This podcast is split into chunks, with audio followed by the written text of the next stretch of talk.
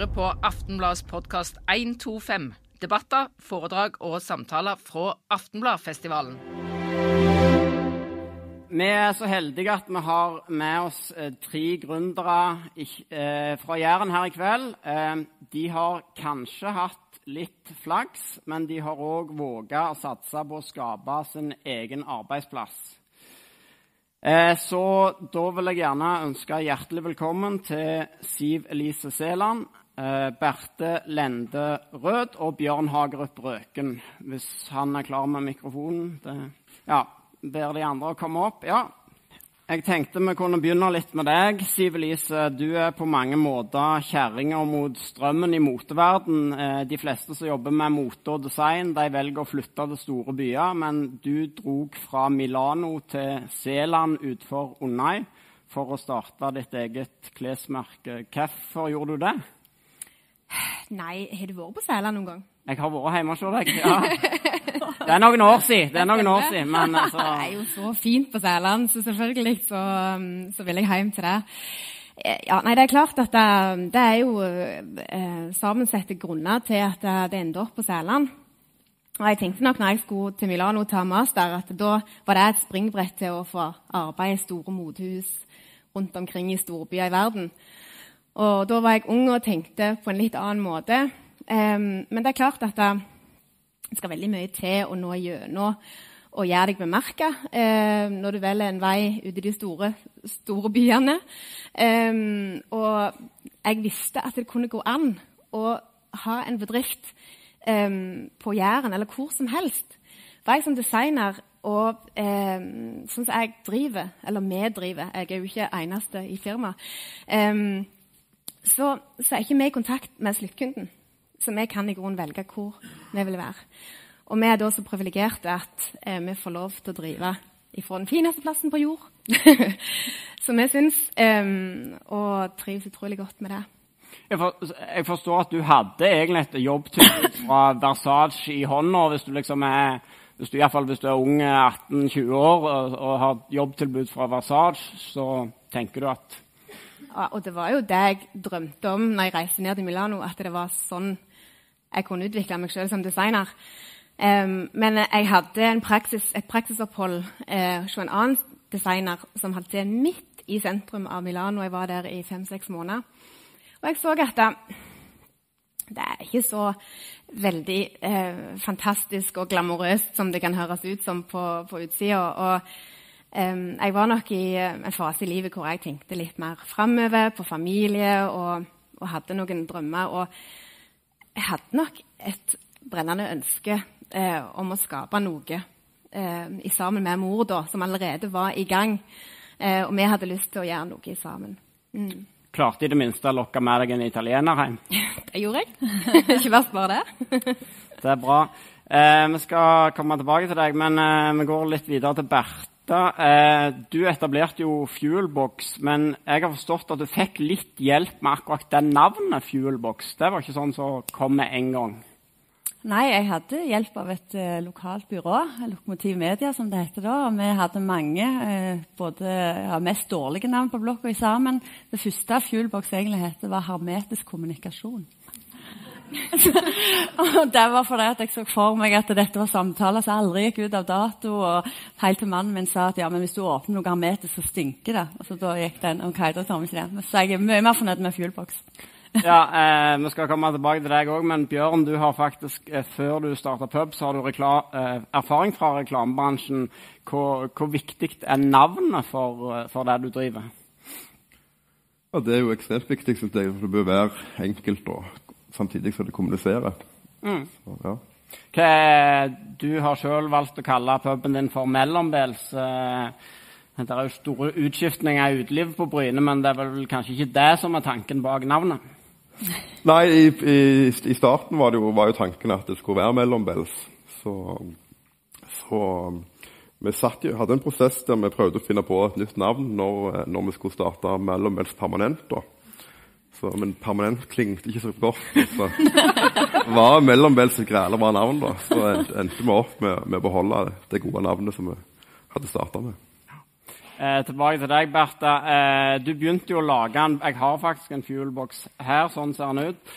Eh, en boks med 170 spørsmål for par. Eh, husker du liksom det første spørsmålet du lagde? Ja, eh, for jeg testa det jo litt ut med mannen min. For det var jo, det var jo de der samtalene med han jeg savna. Det var liksom gått litt i stå, da. Eh, og det, det, første spørsmålet vi testet ut, som vi virkelig liksom brukte, som nå ligger i boksen, det var eh, hva opplever du er de største likheter og forskjeller på våre familier? Og der hadde vi mye å snakke om. som forklarte gjerne hvorfor vi er ganske forskjellige og opptatt av forskjellige ting. Og, ja. Mm. Det er nok spørsmål mange kan uh, ta med seg videre. det. Uh, men hva var det på en måte som fikk deg til å innse at de spørsmålene du sjøl stilte, og gjerne diskuterte med mannen din, òg hadde en verdi for, for andre? Altså, hele grunnen til at dette kom til verden, holdt jeg på å si, var at jeg savna de gode samtalene. Og så hadde jeg mye jeg ville snakke om. Jeg hadde mange spørsmål som jeg egentlig hadde lyst til å stille han, og mange som jeg skulle ønske han kunne stille meg av og til.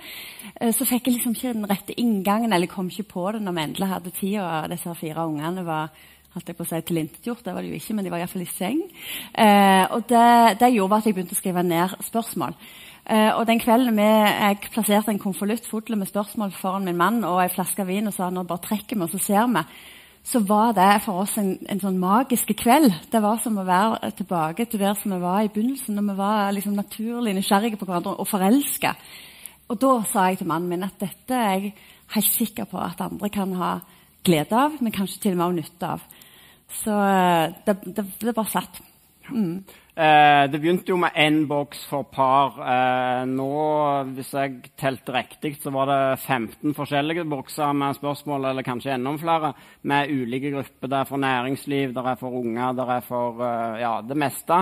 Eh, og det finnes òg i andre land. Eh, hvordan føles det å vokse så fort på så kort tid? For det er ganske kort tid siden du lagde de første spørsmålene. Ja, det er akkurat fem år i november siden vi lanserte Fuelbox Par. Og det fins nå 13 okay, fuelboxer. Okay. Men de fins på mange språk i flere land. Eh, og, det er, og, det å vokse fort er veldig lærerikt. Bratt læringskurve. Jeg gjør mye ting hver eneste dag som jeg ikke har peiling på.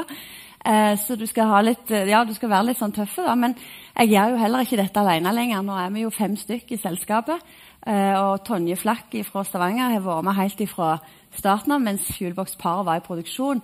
Så jeg har hatt med skikkelig gode folk eh, som kan ting som ikke jeg kan.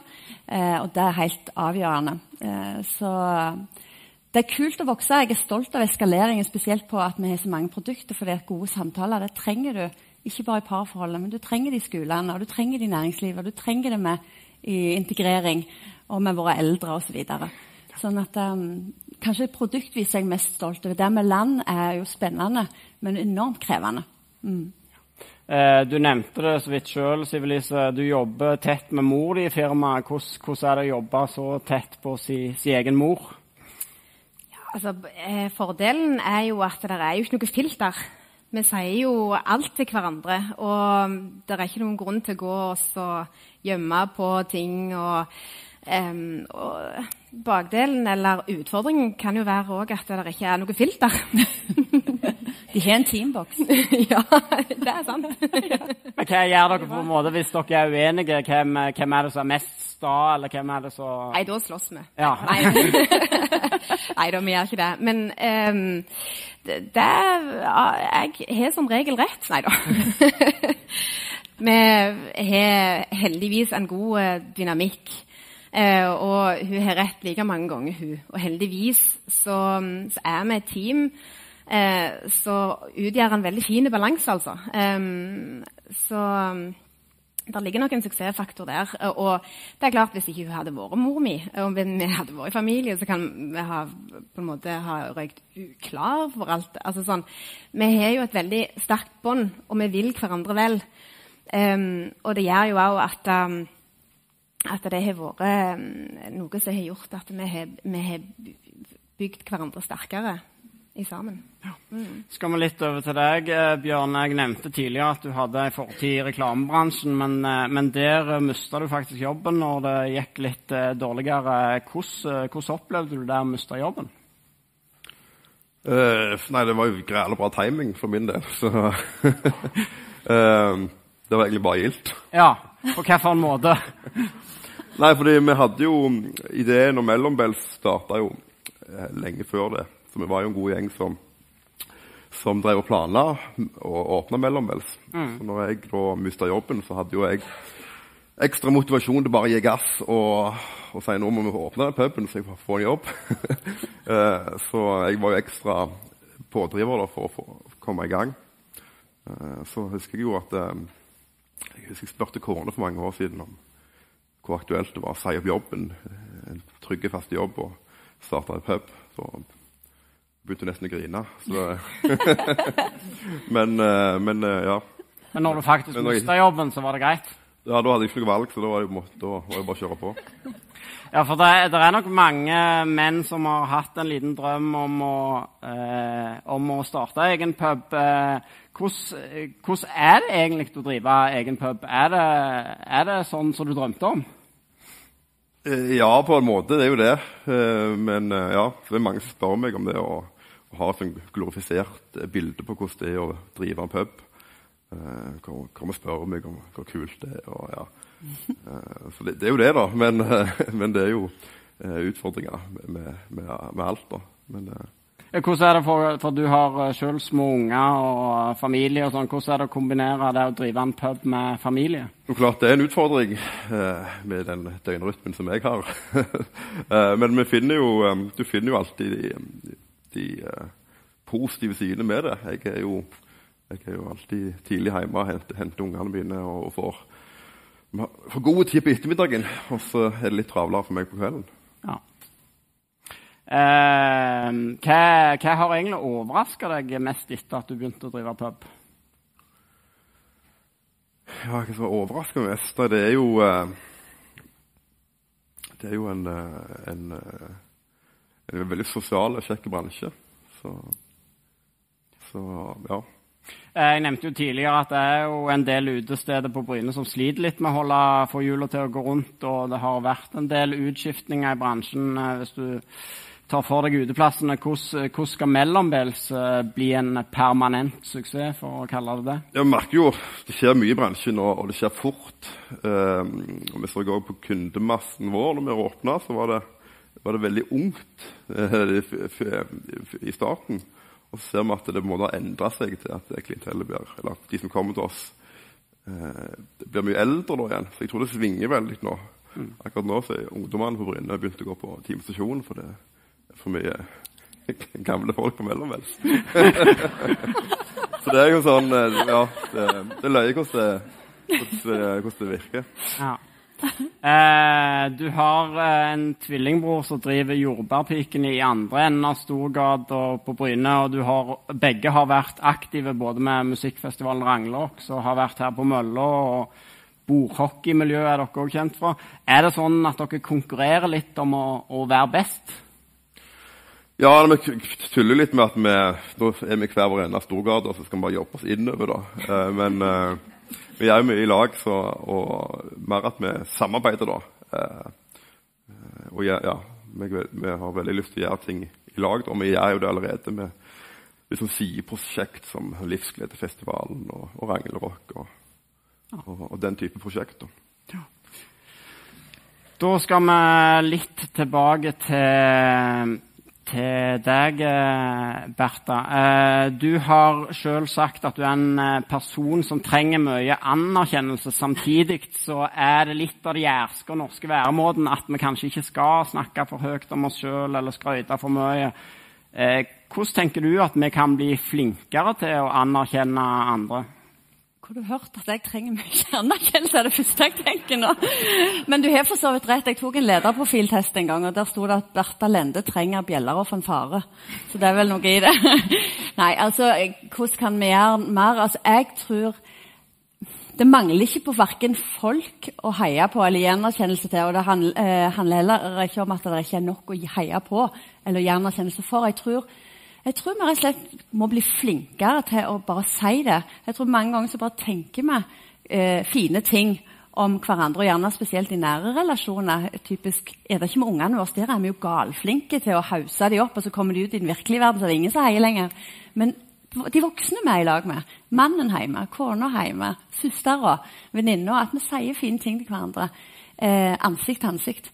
Eh, det tror jeg vi bare må bli tøffere og gjøre. Alle liker jo å få skrøyt.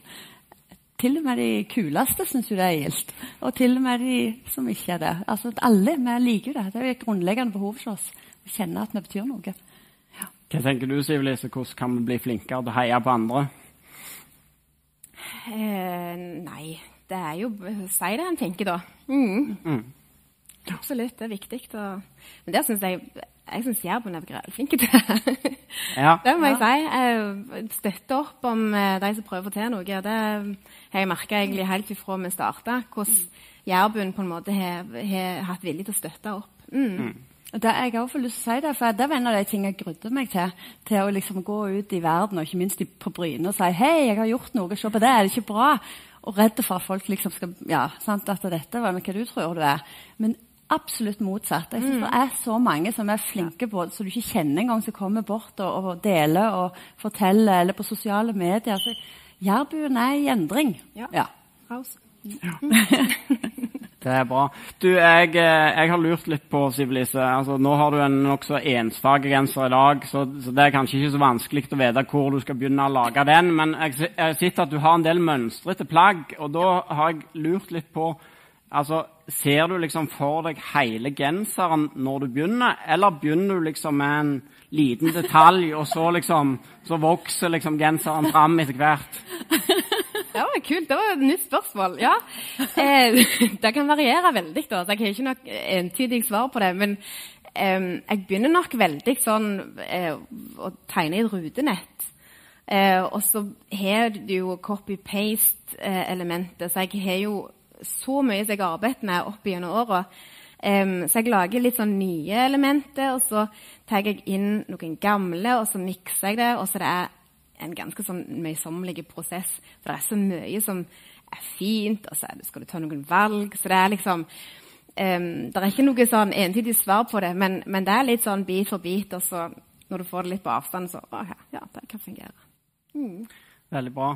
Um, jeg har tenkt litt på da, altså Alle dere er jo deres egne arbeidsgivere. Dere har uh, gjerne ansatte, men, men dere, det er ingen som forteller dere hva dere skal gjøre. Og, det, og, hvis dere ikke gjør noe, så blir på en måte ingenting gjort. Uh, hvordan, hvordan, påvirker det hverdagen? Vi kan jo begynne med deg, Bjørn. Hvordan, det blir veldig bra å ha den friheten til å styre, styre hverdagen sjøl. Og for min del synes jeg det er jo galskjekt og inspirerende å, å bruke reklamebakgrunnen min til å markedsføre eh, eh mitt e, eller e, eget, eget firma. Da. Mm. Eh, og bruke, bruke, ja, bruke de kreftene der. Hva tenker dere andre? Hvordan Nei, det er helt klart at Fleksibiliteten er jo helt fantastisk. Eh, men eh, noe av det gildeste for min del er jo det å få lov til å gjøre noe du brenner for.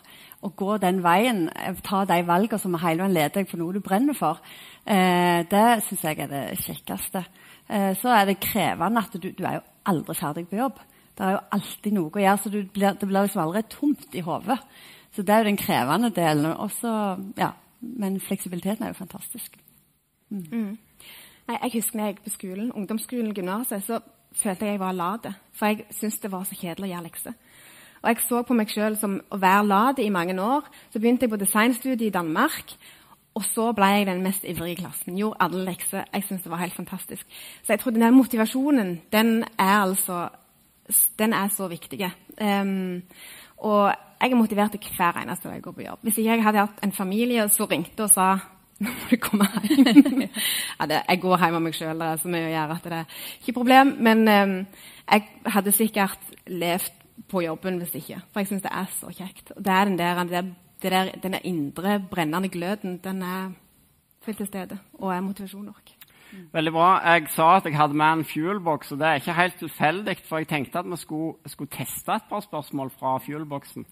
Eh, eh, det er riktignok parversjonen jeg har her. Eh, det er kanskje ikke alle spørsmål som egner seg, men dere skal slippe å svare på spørsmål om mine, dine og våre, som er én kategori. Og dere skal også slippe den kategorien som heter erotikk og sex. Den skal vi stå over. Eh, men det er en kategori som heter jobb og karriere, og da tenkte jeg at vi skal trekke et kort der, så skal vi se hva det blir.